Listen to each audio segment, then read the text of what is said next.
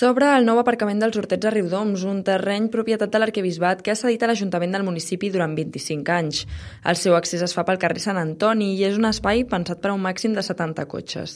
Durant aquests tres mesos i mig d'obres s'ha habilitat una entrada de vianants tocant el camí del Recreo, s'ha protegit i àmpliament il·luminat el recinte, s'ha pavimentat la baixada i l'esplanada s'ha complementat amb terra i grava compactada, ja que no és possible pavimentar la zona perquè és urbanitzable i la Generalitat no ho permet. El nou aparcament beneficiarà els veïns i comerços de les zones de Sant Antoni, Sant Pau, Barri del Colomer, Nucli Antic i l'àrea de la plaça del Portal. El cost total de les obres ha superat els 200.000 euros.